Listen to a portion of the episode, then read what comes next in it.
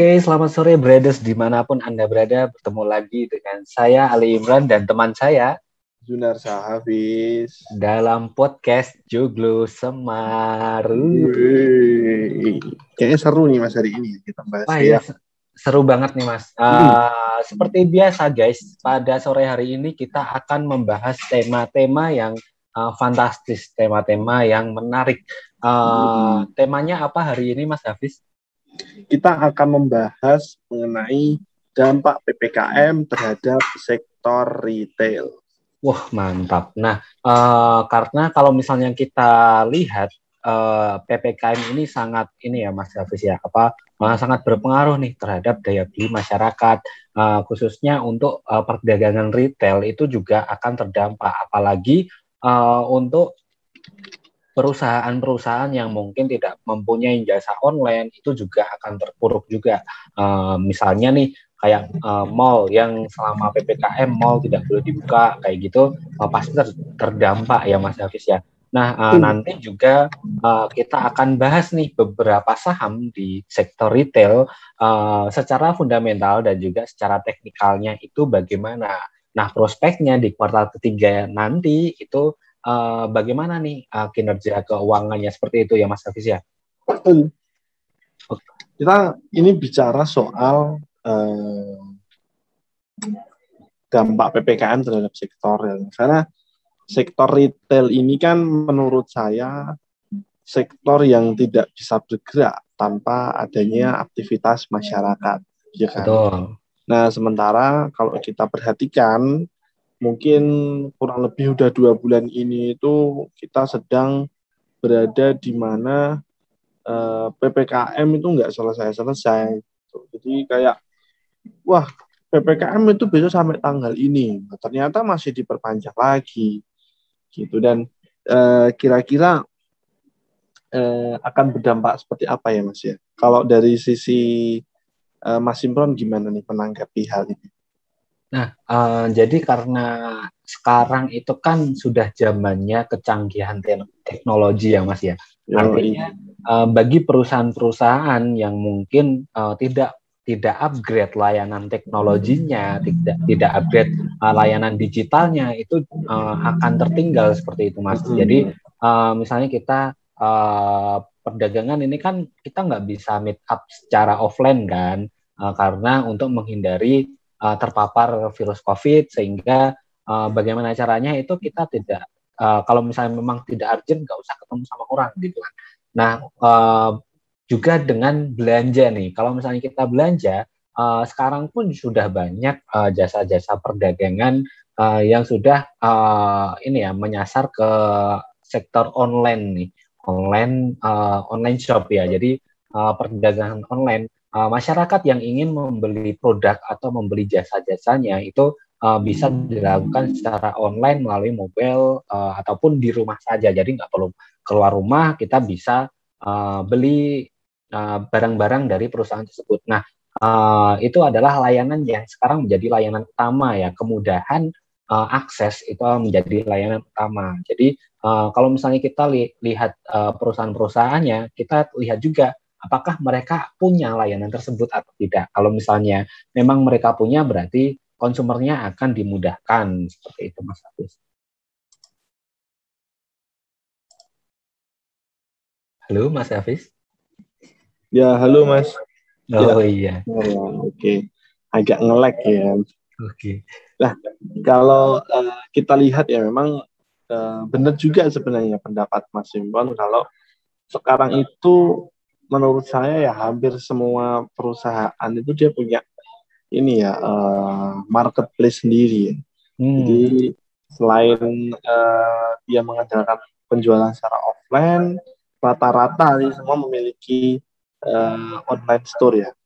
Cuman uh, ya masalahnya cuman begini mas, uh, apakah uh, mobilitas uh, masyarakat ini ya kan, apakah juga akan berdampak juga ke ke mana itu sektor retail padahal uh, ketika walaupun sudah ada online shop gitu kan saya seperti itu uh, masih banyak yang terdampak gitu masih banyak terdampak apakah uh, itu tidak mempengaruhi terhadap uh, buying power masyarakat dalam uh, apa namanya bertransaksi seperti itu.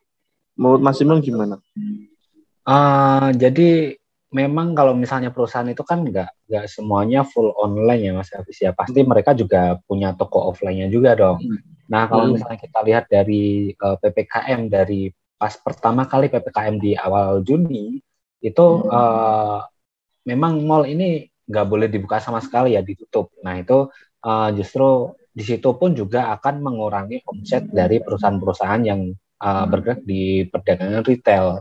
Namun uh, bagi perusahaan, bagi uh, toko yang mungkin sudah mempunyai toko online yang sudah berjalan, itu uh, justru tidak tidak ada masalah karena walaupun ditutup, uh, justru uh, ada pengurangan biaya operasional juga, nah yang pasti. Karena uh, kalau misalnya tidak salah itu juga ada insentif tentang uh, persewaan ini ya, persewaan rukonya ya, itu ada insentifnya juga. Jadi pengurangan uh, biaya operasionalnya di situ pun uh, akan akan bagus ya, akan bagus ke depannya. Nah, uh, jadi kalau misalnya adanya PPKM, kalau kita lihat di perpanjangan kedua ya, perpanjangan waktu yang kedua, ini mall itu sudah mulai dilonggarkan, mulai dilonggarkan uh, dengan boleh dibuka dengan uh, kapasitas maksimal itu 25% dan yang sudah wajib vaksin seperti itu. Nah, uh, saat ini uh, sudah mulai dilonggarkan lagi nih uh, bahwa untuk mall sendiri itu bisa dibuka sampai uh, dengan kapasitas 50%. Namun uh, syarat tetap sama harus wajib vaksin. Nah, jadi uh, mungkin di kuartal ketiga nanti ya, di kuartal ketiga nanti uh, laporan keuangannya pun uh, memang pasti ada dampak pasti terdampak. Namun bagi perusahaan yang mungkin sudah bergerak di uh, di perdagangan online sudah berjalan, biasanya sudah berjalan, sudah dinikmati masyarakat uh, atau konsumernya itu juga akan bagus seperti itu mas. Jadi gitu ya mas. Nah kalau bicara sektor retail, nah kira-kira ada beberapa perusahaan ya kan. Nah, ini kayaknya adalah uh, dia yang terbaik di sektornya, ya kan? Ya, iya betul mas. Iya, sebenarnya nggak usah basa-basi ya, kita tadi sudah menyiapkan materinya ya. iya, karena uh, gini mas, uh, kalau Mas Hafiz ini kan biasanya uh, suka banget kan melihat uh, kinerja-kinerja perusahaannya itu bagaimana, valuasinya itu bagaimana, seperti itu kan Mas. Nah, uh, mungkin bisa dijabarkan dulu Mas, ini kan uh, di bulan September itu kan pasti sudah banyak uh, perusahaan-perusahaan yang ini ya sudah rilis laporan keuangan uh, selama satu semester ya atau sampai kuartal kedua uh, khususnya di sektor retail mas di sini kalau misalnya kita sortir uh, kita sortir dari uh, market cap tertinggi sebenarnya ada uh, yang pertama itu ada Bukalapak lalu yang kedua ada AMRT, Akses, MAPI dan juga LPPF. Nah untuk Bukalapak sendiri kan uh, mungkin karena baru uh, menjadi perusahaan IPO ya. Uh, mungkin kita bisa lewati dulu Mas kalau untuk Bukalapak. Mungkin untuk AMRT nih, Alfamart atau sumber Alvaria Trijaya uh, bagi teman-teman yang mungkin melancong atau lagi pergi ke mana pun pasti lihat yang namanya Alfamart dan itu uh, beberapa kilometer pasti lihat juga nih ada Alfamart, ada Alfamart, ada Alfamart. Nah itu kinerjanya seperti apa sih Mas Hafiz? retail itu juga akan terdampak apalagi. Nah kalau kita lihat uh, Alfamart, ya, AMRT, AMRT ini sebenarnya perusahaan yang kita tahu pada dan kita, kita lihat uh, sepanjang apa namanya 2021 ini itu perkembangannya cukup menarik mas. Jadi secara kuartal ya kuartal uh, kedua itu dia mencatatkan laba itu dia bisa bertumbuh sales growth-nya itu 10 persen. Jadi 10 persen ini uh, cukup bagus ya walaupun tidak bisa uh, dibandingkan dengan beberapa yang lain saya gitu. Jadi 10% ini cukup baik menurut saya uh, dibandingkan dengan MAPI misalnya. MAPI itu dia di kuartal kedua kemarin bisa bertumbuh 33,9 persen Kemudian untuk LPPF itu tinggi sekali. LPPF itu sampai 58,44 persen. Nah, tetapi pertumbuhan kenapa kok MAPI dan LPPF ini pertumbuhannya besar? Karena di tahun lalu itu ketika awal pandemi itu dia sangat terdampak. Jadi sehingga startnya itu lebih rendah, sehingga ketika mencapai titik tersebut dia mendapatkan sales growth yang tinggi. Berbeda dengan AMRT ini. AMRT ini jauh lebih kalau dari sisi uh, apa ya, maksudnya lebih settle gitu. Jadi lebih tenang, lebih lebih growth-nya itu lebih uh, baik dari segi sales growth. Terus kemudian kalau kita lihat uh, apa namanya uh, bagi perusahaan-perusahaan uh, yang mungkin net profit marginnya, net profit marginnya itu memang uh, terbesar itu adalah LPPM. Layanan digitalnya karena uh, akan tertinggal seperti itu. Matahari ya, itu uh, misalnya kita hari dia punya uh, net profit kan margin yang cukup besar yaitu ada di 14,92 persen. Jadi menurut saya LPPM juga bagus, MRT ini juga bagus, cuman untuk uh, net profit marginnya itu sedikit uh, kecil nah, gitu. Jadi uh, hanya bisa dapat profit margin itu sekitar 2,03 persen. Kemudian uh, ada juga Uh, dari segi market cap, nah, kalau market cap itu jelas yang paling besar itu adalah si AMRT ini. Jadi si AMRT ini adalah total market cap-nya itu ada di uh, angka 56 triliun. Sementara LPPF itu hanya di 7 triliun. Kemudian MAPI itu ada di 12,782 triliun. Kemudian ACES, nah ACES ini sebenarnya juga bagus sebenarnya. ya. Cuman kalau kita perhatikan aja, itu memang uh, dia mengalami penurunan penjualan ya. Kalau kita melihat perusahaannya, kita lihat juga apakah mereka data men data menunjukkan bahwa ya, ini dia mengalami penurunan konsumennya uh, akan dimudahkan. apa namanya sales ya. Itu dia uh, minus tujuh koma satu persen. Tujuh koma satu persen. Oh, iya. dan ini menurut saya angka yang berbahaya begitu dibandingkan dengan teman-teman industri apa namanya perusahaan satu industri si Agus ini juga sebenarnya Kemudian kalau dilihat uh, market cap-nya juga itu sebenarnya termasuk middle ya dibandingkan dengan perusahaan LPPF itu jauh lebih besar ya, sih uh, marketplace. Cuman uh, kalau dibandingkan dengan saham yang lain, misalnya tadi AMRT, kemudian rata-rata uh, apa tadi mas? BPS dan juga MAPI. Iya, ya, masalahnya cuman begini mas. Itu uh, mobilitas uh, LPPF ini, ini ya kan? dia cenderung juga saham yang memiliki valuasi paling murah.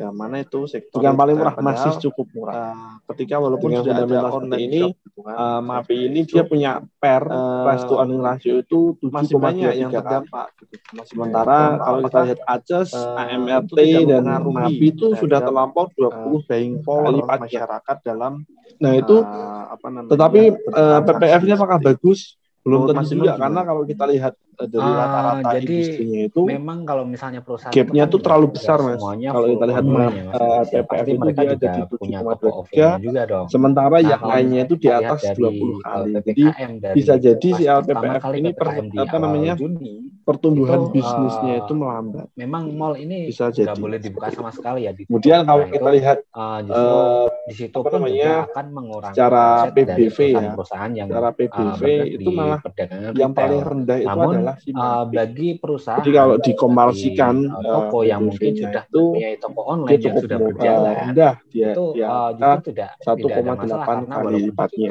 dari uh, nilai bukunya sehingga uh, juga cukup kurang kalau dihitung berdasarkan book value-nya tidak nah, salah nah, tetapi, itu juga ada insentif tentang nah, bukan uh, ya. persewaan kalau kita lihat ya, dari return on equity ya, return on equity ini adalah biaya uh, rasio uh, return dibandingkan akan modal bagus ya akan bagus depannya nah Uh, nah ini jadi, LPPF masih menjuarai ini mas. Adanya PPKM kalau dengan tingkat uh, price to earning ratio ya, yang 7,2 yang kedua, ini tetapi dia ternyata bisa menghasilkan uh, return on equity uh, 60 dengan boleh dibuka dengan tiga persen. Uh, kapasitas ini angka yang besar loh 64 persen dan yang sudah wajib vaksin. Uh, kalau kita hitung nah, PBV-nya itu enam kali lipat aja masih sudah dikatakan saham ini masih murah uh, bahwa untuk secara sendiri uh, itu bisa apa namanya dibuka sampai gitu. jadi kalau menurut saya 50%. Namun, uh, kalau kita lihat uh, syarat tetap sama harus wajib vaksin. Nah, uh, tahun lalu uh, kalau nggak salah ya kita bahas RPPF ya dari ya, betul. berapa itu ya? Ketiga nanti dari harga laporan keuangan ya, pun ya masih seribuan lah sekarang sudah sampai dua ribuan. Namun bagi perusahaan yang mungkin sudah ternyata di, fundamentalnya mantap di banget seperti perdagangan online dan dari segi biasanya sudah berjalan rasio hutang memang RPPF ini punya utang yang konsumernya itu juga akan 3,8 kalinya. Yang paling rendah adalah gitu ya Aces nah, dan juga MAPI. Kalau bicara ya, jadi sektor ini kembali ke kira-kira ada uh, ini ya perusahaan pilihan investasi teman-teman sebenarnya nah, ini kayaknya adalah kalau misalnya pengen berinvestasi uh, pada saham-saham yang dia yang terbaik uh, di sektor ayam tentang. Ya. nah itu ya, mungkin bisa ambil iya. mapi nggak usah bahasa basi ya kita tapi kalau misalnya mau materinya ya. pengen saham yang iya. agresif karena itu bisa ambil. uh, gini mas uh, seperti kalau mas Hafiz nah, ini kan biasanya buka lapak ya. nah, kan. buka lapak ini uh, kinerja kinerja perusahaannya itu bagaimana saya bisa katakan perusahaan yang nah uh, mungkin bisa iya, dijabarkan dulu mas. Ini kan uh, sebenarnya bagus dari segi brandnya. kan pasti sudah dari segi uh, perusahaan kalau kita lihat kembali lagi ke bisnisnya itu menurut saya uh, menarik. setelah melihat prospektus ya, dan juga laporan keuangan itu uh, masih kurang menarik sih mas kalau misalnya kita sortir nah mungkin mas Imron bisa dari, menjelaskan uh, dari segi teknikal. tertinggi sebenarnya ada uh, yang pertama itu ada MAPI dan juga yang kedua ada AMRT itu uh, gimana ya mas? dan juga LPPF kalau misalnya kita lihat dari sendiri kan volume uh, perdagangan karena baru volume perdagangan uh, menjadi paling menarik ini ya. PPF ya, mungkin kita beberapa hari lewati beberapa waktu terakhir untuk BPF ini mungkin uh, diakumulasi MRT asing dan kalau misalnya kita lihat dari varian uh, awal tahun dari awal tahun teman-teman yang mungkin dari bulan Juni atau lagi itu pasti lihat yang namanya kita bisa profit dan itu profitnya beberapa sampai di titik tertingginya itu sampai 113 persen. Nah itu kinerja dari harga 700-an hingga sekarang itu uh, Nah, oh ini untuk AMRT, kita lihat. AMRT uh, itu uh, kalau misalnya kita lihat dari AMRT, pergerakan AMRT awal tahun ini itu sebenarnya uh, dari 725 kita tahu uh, dia bisa kita, kita sampai lihat, titik tertingginya uh, itu di 1500-an nih. Nah, uh, kalau misalnya kita lihat uh, untuk AMRT ini. memang untuk itu usahanya ini cukup gampang menarik. ya mas. artinya jadi dia nggak nggak ya, punya brand produk. Dia hanya uh, menjadi jasa penjualannya seperti itu, itu jadi bisa uh, ibarat brandnya misalnya nih kalau ibarat rokok nih jadi ada gudang garam ini, ada MSP uh, ada jarum dan lain-lain. cukup nah sementara ya, MRT ini kan dia yang jual semuanya. jadi uh, misalnya uh, gudang garam ini nggak laku bisa jadi sampai laku jadi tetap ada income walaupun ada suatu produk yang mungkin di dia di kuartal ditinggalkan oleh masyarakat yang produk-produk Unilever nih kemudian ditinggalkan untuk jadi produk-produk mayoral itu sampai 58,4 ini nggak cuma jualan produk nah, Unilever tapi doang pertumbuhan tapi jualan produk dari mayora juga besar? atau dari Wix karena dan lain-lain. di tahun lalu itu ketika awal pandemi itu dia sangat terdampak. dengan retail sehingga startnya itu lebih rendah saya sih dia survive-nya akan lebih bagus ya daripada produsen-produsennya berbeda dengan MRT kalau produksinya kan ini dia harus lebih, inovatif, harus inovatif. Uh, uh, bagaimana ya, caranya lebih produk yang lebih, uh, ini ya, lebih yang laku di masyarakat. Nah, uh, kalau kita lihat secara teknikalnya nih, secara teknikalnya dari uh, mungkin satu sampai tiga bulan terakhir ya. Uh, nah, ini uh, pergerakan profit untuk AMRT ini dia masih di dalam memang, uh, jalur uptrend ya, walaupun dalam uh, periode satu sampai dua bulan dia uh, cenderung konsolidasi. Kalau misalnya kita lihat uh, area konsolidasinya profit margin yang uh, berada di area itu ada di sekitar 1190 sampai Jadi, 5, uh, menurut saya LPF juga ya. bagus, AMRT kita, ini uh, lihat di sini dia memang uh, cenderung sideways di area uh, ini seperti kecil, itu. Nah, gitu. Jadi, uh, strateginya bagaimana? Bisa dapat mungkin punya MRT uh, atau mau masuk AMRT. Kalau kita lihat dari trennya dia trennya ada juga kuat, dia hanya bisa hanya masih konsolidasi, konsolidasi saja nih setelah uh, si dia AMRT beberapa ini. waktu yang lalu itu si dia AMRT uh, ini mulai adalah total uptrend ya dan menembus itu resistnya ada di uh, dia masih konsolidasi uh, di area 56 uh, ini triliun. seperti itu. Jadi untuk MRT kita masih bisa itu ikuti. hanya di 7 Kalau untuk trading trading jangka pendek mungkin kita itu bisa ada bayar di support sell on basis ya. Misalnya 12,782 uh, kalau misalnya turun sampai ke Kemudian 1200-an Ajas, nah kita bisa ini beli nih. juga bagus uh, misalnya di 1200 Cuman sampai kalau kita 1280 perhatikan itu bisa sampai ke 1350 uh, hari ini seperti hari ini kita jualan. Kalau atau ya. misalnya uh, kalau nanti sudah sampai ke data men- level data 1400 menunjukkan bahwa sampai uh, ini 1500 dia kita bisa jualan juga. Jadi uh, uh, kalau untuk trading pendek juga oke, sales ya mau di save pun juga boleh karena dia uh, prospek bisnisnya pun juga uh, uh, minus bagus. 7,1 Lalu selanjutnya ada akses. 7,01 persen. Dan ini Nah, menurut saya angka yang ini juga menarik begitu, kalau misalnya dibandingkan kita dengan lihat teman-teman uh, industri di apa sini namanya perusahaan satu industri si ya. Agas ini minus. Nah, ini ada Kemudian kalau uh, dilihat uh, cap-nya juga uh, setelah downtrendnya termasuk ya, middle ya downtrendnya yang cukup uh, uh, panjang nih. LPPF itu jauh lebih besar sih. yang cukup panjang, lalu dia Cuman uh, konsolidasi uh, kalau dan dibandingkan uh, dengan yang triangle. lain, Di sini saya kita masih lihat apakah uh, akses ini uh, bisa break out dari symmetrical triangle resistnya atau tidak. Kalau misalnya ternyata dia ya uh, jebol ke bawah atau jebol itu uh, support uh, dari triangle-nya ini, maka LPPF uh, ini dia cenderung ini ya saham akan yang memiliki valuasi paling continuation nih uh, yang sebelumnya bukan paling bearish masih cukup konsolidasi karena yang fundamental adalah support ini, bukan resistance uh, maka ini dia uh, punya dia akan price to uh, earning menjadi itu uh, 7,23 continuation kali. bearish ya. Nah, supportnya sendiri ada di lihat Ajas, 1340. Jadi kalau misalnya punya MAPI itu 1340 sudah kalau ternyata jebol ya udah 20 kali uh, lipatnya. ditinggalin dulu aja Nah itu. Karena uh, tetapi uh, dari PPF-nya apakah bagus? Ada Belum tentu juga karena kalau kita lihat itu dari akan rata-rata industrinya Nah ini itu untuk akses uh, gapnya tuh terlalu besar mas. memang dia Kalau masih kita lihat map di area uh, Fibo ya itu di dia area Fibo 38 sampai 7,23 satu yang menjadi sementara yang lainnya itu di atas seperti itu. 20 kali. Nah, Jadi uh, bisa selanjutnya, jadi si selanjutnya LPPF ini per, ada apa namanya dari MAPI. pertumbuhan bisnisnya itu melambat. Gitu. Bisa jadi. Nah, MAPI ini itu. juga menarik Kemudian karena kalau kita lihat uh, apa namanya pola uptrend ya. kalau misalnya PBV ya, lihat secara PBV polanya itu sudah mulai yang paling rendah itu adalah MAPI MAPI. setelah beberapa Jadi waktu kalau dikomersikan uh, uh, downtrend cukup lama ya dari awal tahun dia cukup uh, sampai rendah. pertengahan dia tahun kemarin angka bahkan sampai Juli ya 1,8 sampai kali Juli itu dia dari uh, nilai bukunya sehingga uh, periode to cukup yaitu kalau di dihitung 410 berdasarkan dan saat ini dia uh, Nah, tetapi uptrend channel Nah, bukan untuk tapi ya, kalau uh, kita lihat dari sendiri, on sendiri sekarang itu dia berada di area ini resist adalah.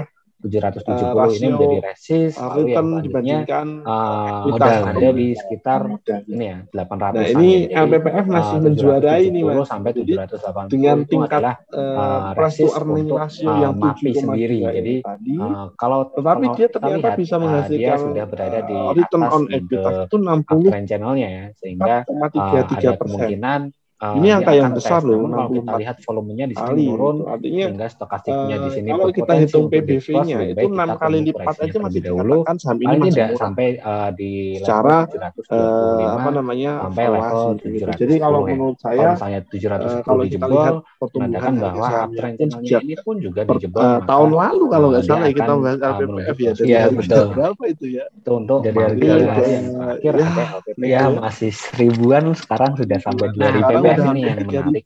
Ya karena betul. uh, kalau misalnya kita ternyata lihat memang uh, fundamentalnya mantap akumulasi banget asing itu dari awal tahun itu dan dari uh, segi besar ya di uh, LPPF ya. rasio uh, hutang dan juga banyak ini punya hutang yang uh, paling hot issue nih yang yang lain. yang di 3,8 LPPF yang membuat harganya itu yang paling rendah uh, adalah uh, si Aces dan juga. Nah, kalau misalnya ya, kita lihat dari ini kembali ke uh, ini ya uh, terakhir ya pilihan dari investasi Agustus teman-teman sebenarnya dari mas Agustus kalau ini misalnya pengen uh, berinvestasi dari pada saham-saham yang ya dari akhir Juli uh, adem ayem nah itu 17.20 mungkin bisa dia ambil uh, MAPI atau hari tapi ya kalau misalnya mau 14.7 uh, uh, pengen saham yang agresif nah itu bisa ambil PPF seperti itu 3180 nah kalau di Bukalapak 3180 ya. nah Bukalapak ini 85 persen nih dalam uh, satu bulan. Saya ini bisa kan katakan uh, perusahaan yang bagus ya untuk pergerakan iya ya bilangnya jadi ya uh, memang LPPF sebenarnya ini bagus dari segi brandnya. memang dia dari ke, segi brandnya bagus. cuman kalau kita lihat kembali lagi ke kedua setelah itu menurut ya, saya kurang menarik. setelah melihat prospektus dan juga laporan keuangannya itu masih kurang menarik sih mas kalau di sini ada nah mungkin mas Imron bisa menjelaskan dari segi teknikal lalu untuk AMRT, BBF, MAPI dan juga lebih panjang. Itu gimana ya mas?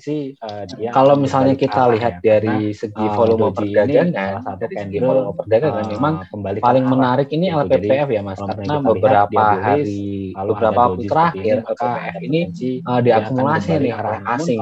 dan kalau misalnya kita lihat dari uh, awal tahun dari awal tahun nih misalnya uh, dari bulan Juni itu uh, namun uh, dari kita bisa profit profitnya untuk LPPF sampai di titik tertingginya itu sampai 113 persen mas dari harga 700-an hingga sekarang itu paling tidak di area oh ini untuk AMRT mas untuk AMRT itu uh, kalau misalnya kita lihat dari pergerakan awal tahun itu uh, dari 725 di sini dia kalau bisa sampai titik tertingginya itu di 1500-an nih nah kalau misalnya kita lihat untuk koreksinya MRT memang untuk usahanya ini gampang ya mas artinya dia nggak nggak punya brand produk dia hanya uh, menjadi jasa penjualannya seperti itu. Jadi uh, ibarat brandnya misalnya nih kalau ibarat rokok nih ada garam ada akses ada jarum dan lain-lain Nah, sementara MRT ini kan dia yang jual semuanya. Jadi, jadi buat teman-teman uh, misalnya uh, gudang garam ini nggak laku, bisa jadi Sampurna laku. Jadi uh, tetap ada income walaupun ada suatu produk yang mungkin uh, di, ada, ada banyak uh, yang ditinggalkan oleh masyarakat ya maksudnya uh, produk-produk Unilever nih ditinggalkan jadi ya. uh, produk-produk Mayora tapi kan KMRT ini nggak uh, cuma jualan produk Unilever doang tapi uh, jualan. produk dari Mayora juga seperti itu atau dari nah, Wings atau dan lain-lain. jadi uh, untuk KMRT ini karena dia hanya jasa perdagangan retail hari uh, ini tuh menurut saya sih uh, dia survive-nya akan lebih bagus ya daripada uh, ya, produsen-produsennya itu karena kalau produsennya kan dia harus inovatif. Coba harus inovatif uh, bagaimana caranya melakukan produk yang uh, Oke, ini ya yang laku di masyarakat. Nah kalau kita lihat secara teknikalnya nih kalau secara teknikalnya dari uh, mungkin satu sampai tiga bulan terakhir ya. nah ini uh, pergerakan untuk AMRT ini dia masih di dalam uh, jalur uptrend ya. walaupun dalam uh, periode satu sampai dua bulan dia uh, cenderung konsolidasi. Kalau misalnya kita lihat uh, area konsolidasinya ini uh, berada di area sekitar 1190 sampai 5, uh, 1550 ya. Dan kalau misalnya kita uh, lihat di sini dia memang uh, cenderung sideways nih di area ini seperti itu. Nah, uh, strateginya bagaimana bagi yang mungkin punya MRT uh, atau mau masuk MRT? Kalau kita lihat dari trennya dia terjadi kuatnya itu dia hanya bisa uh, hanya masih sekarang ini kan uh, konsolida uh, konsolidasi saja nih setelah uh, dia beberapa uh, waktu yang lalu itu dia itu juga uh, mulai uptrend ya dan menembus resistnya uh, dia masih konsolidasi di area uh, ini seperti itu. jadi untuk MRT kita masih bisa ikuti. kalau untuk trading trading jangka pendek mungkin kita bisa buy on support sell on resist ya. misalnya uh, kalau misalnya turun sampai ke 1200-an kita bisa beli nih khususnya uh, misalnya di 1200 sampai 12 atau 40 jualnya bisa sampai ke 1350 hari ini seperti hari ini kita jualan. lalu atau misalnya uh, kalau nanti sudah sampai ke level 1400 sampai uh, 1500 kita bisa jualan juga. Jadi uh, kalau untuk trading pendek juga oke okay, mau di save pun juga oke karena uh, prospek bisnisnya pun juga uh, bagus. seperti itu. Lalu selanjutnya ada akses uh, dia membentuk pola rounding bottom ya. Nah, Jadi uh, asas ini juga menarik kalau misalnya kita lihat uh, di sini dia sebenarnya membentuk pola triangle ya. Uh, nah ini ada uh, symmetrical triangle uh, setelah downtrendnya, setelah downtrendnya yang cukup uh, panjang nih, setelah downtrendnya yang cukup panjang, lalu dia uh, konsolidasi dan bentuk uh, symmetrical triangle. Di sini kita masih lihat apakah uh, akses ini bisa breakout dari symmetrical triangle resistnya atau tidak. Kalau misalnya ternyata dia uh, jebol ke bawah atau jebol uh, support dari triangle-nya ini, maka uh, akan ini ya akan menjadi pola continuation nih uh, yang sebelumnya bearish konsolidasi karena yang dijebol adalah support bukan resistance, maka uh, dia akan uh, menjadi uh, continuation bearish ya. Nah, supportnya sendiri ada di 1340. Jadi kalau misalnya udah punya 1340 kalau ternyata jebol ya udah uh, ditinggalin dulu aja seperti itu. Karena uh, dia sudah keluar dari symmetrical triangle, ada kemungkinan bearishnya itu uh, akan berlanjut. Nah, ini untuk akses uh, sementara saat ini memang dia masih konsolidasi di area Fibo ya. Di area Fibo 38 sampai 61 yang menjadi area Fibo-nya seperti itu. Nah, uh, selanjutnya selanjutnya uh, ada dari MAPI.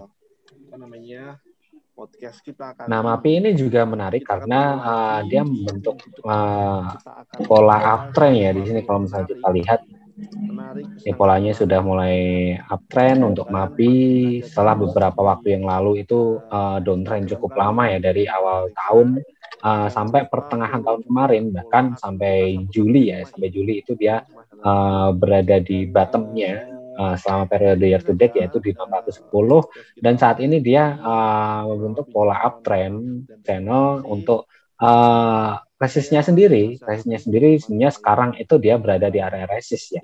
770 ini menjadi resist, lalu yang selanjutnya uh, ada di sekitar ini ya 800-an ya. Jadi uh, 770 sampai 780 itu adalah uh, resist untuk uh, MAPI sendiri. Jadi Uh, kalau kalau kita lihat uh, dia sudah berada di atas middle uptrend channelnya ya sehingga uh, ada kemungkinan uh, dia akan tes. Namun kalau kita lihat volumenya di sini menurun sehingga stokastiknya di sini berpotensi untuk dead cross lebih baik kita tunggu koreksinya terlebih dahulu paling tidak sampai uh, di level 725 sampai level 710 ya. Kalau misalnya 710 dijebol menandakan bahwa uptrend channelnya ini pun juga dijebol maka uh, dia akan uh, menuju ke support selanjutnya lagi. Itu untuk MAPI, lalu yang terakhir ada LPPF. Nah, PPF ini yang menarik ya karena uh, kalau misalnya kita lihat uh, akumulasi asing itu dari awal tahun itu uh, lumayan besar ya di LPPF ya uh, dan juga banyak uh, hot issue nih yang di yang ada di LPPF yang membuat harganya itu uh, semakin uh, naik seperti itu. Nah, kalau misalnya kita lihat dari periode satu bulan terakhir ya dari Agustus pun dari Agustus ini uh, dari akhir Juli ya dari akhir Juli dengan terendah 1720 dia uh, mencapai titik tertinggi hari ini ya di 14.7 uh, di 14 di 3180.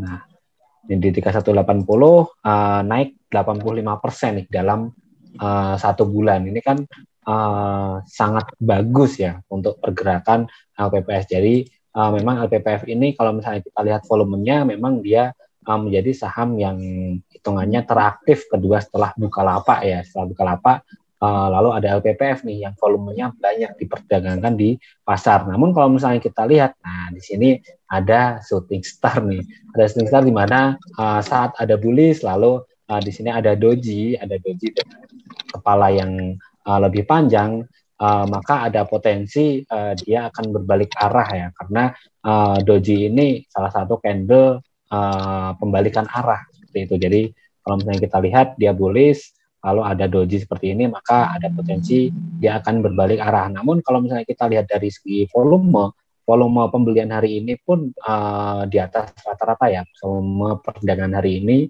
namun uh, dari stokastik sudah terlihat bahwa dia akan dead cross ya, akan dead cross. Jadi ada kemungkinan uh, dia mengalami koreksi terlebih dahulu, ya koreksi-koreksi wajar lah uh, paling tidak di area 2810 sampai 2460 ya itu masih oke okay lah kalau misalnya koreksinya uh, di 2760 itu uh, masih oke okay juga seperti itu. Nah, di sini MACD-nya kalau misalnya kita lihat juga melemah sehingga trennya pun juga uh, bisa dibilang melemah karena uh, ini koreksinya sangat sedikit dibandingkan kenaikannya ya. Satu bulan dapat 85% saham blue chip itu sangat bagus. Seperti itu Mas Hafiz. Itu teknikalnya untuk saham-saham uh, retail yang kita bahas pada sore hari ini Mas. Ada Betul. MRT ada Akses ada MAPI dan juga ada LPPM Betul Mas. Nah mungkin buat teman-teman yang mungkin mau bertanya bisa langsung ditulis aja di kolom komentar nih. Iya nih, sebenarnya ada ada banyak yang wirawiri nih Mas tadi Mas. Iya, wirawiri, tapi tidak ada ya, yang tapi, membekas di hati uh, ya. Betul. Iya. ada yang wirawiri tapi kok uh, tidak, tidak ada yang dekat di hati. oh, sekali. Nah, kalau selain membahas retail Mas ya, sebenarnya saya mau hmm. membahas ini.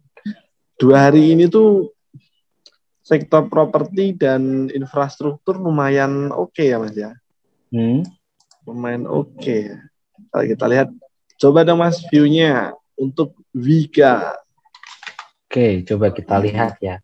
Wika ini menurut saya memang uh, perusahaan konstruksi yang mungkin uh, kinerjanya prospek ke depannya itu uh, lebih bagus ya daripada yang lain karena apa?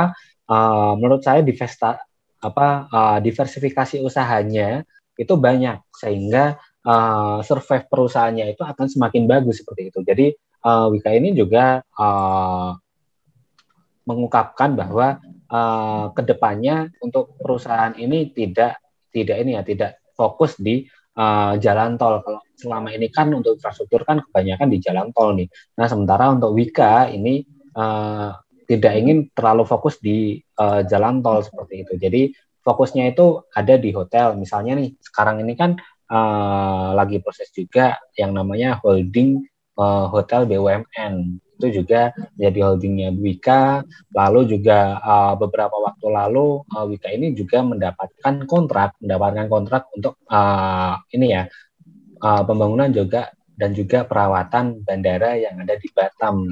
Jadi uh, sektornya itu tidak hanya di uh, mungkin jalan untuk transportasi aja ya transportasi darat. Namun uh, dia uh, sekarang bahkan sampai ke transportasi udara nih. Uh, sampai ke bidang uh, penerbangan. Itu kan diversifikasi usahanya kan bagus banget. Nah uh, kalau misalnya kita lihat secara teknikal Wika ini uh, dia cenderung kalau misalnya kita lihat dari bulan uh, Juli, akhir Juli tepatnya di 22 Juli uh, dia membentuk pola rounding bottom ya. Jadi uh, dia habis turun langsung mengalami kenaikan uh, dan menuju ke resistnya. Nah, resistnya sendiri uh, belum berhasil ditembus ya. Yang pertama ada di 11.10, lalu yang kedua uh, resistnya sendiri ada di 11.45. Nah, kalau misalnya kita lihat di sini uh, dia juga membentuk uh, candle spinning sehingga ada potensi ini uh, sudah muncul tekanan jual di market seperti ini contohnya. Nah ini ada tekanan jual di market lalu dia mengalami koreksi. Nah ini juga sama ada potensi dia akan mengalami koreksi. Namun uh, selama dia masih berada di atas 970 atau bahkan uh, mungkin di atas level psikologi 1000 ya uh, di atas itu uh, masih oke okay sih untuk pergerakan Wika ke depannya Mas Oke. Okay. Nah ini sejauh ini belum ada yang tanya juga nih mas ya. Oke. Okay. Wah iya nih, uh, ada yang baik, mas, ini mungkin sepertinya uh, sudah iya, pada cuan ini mas.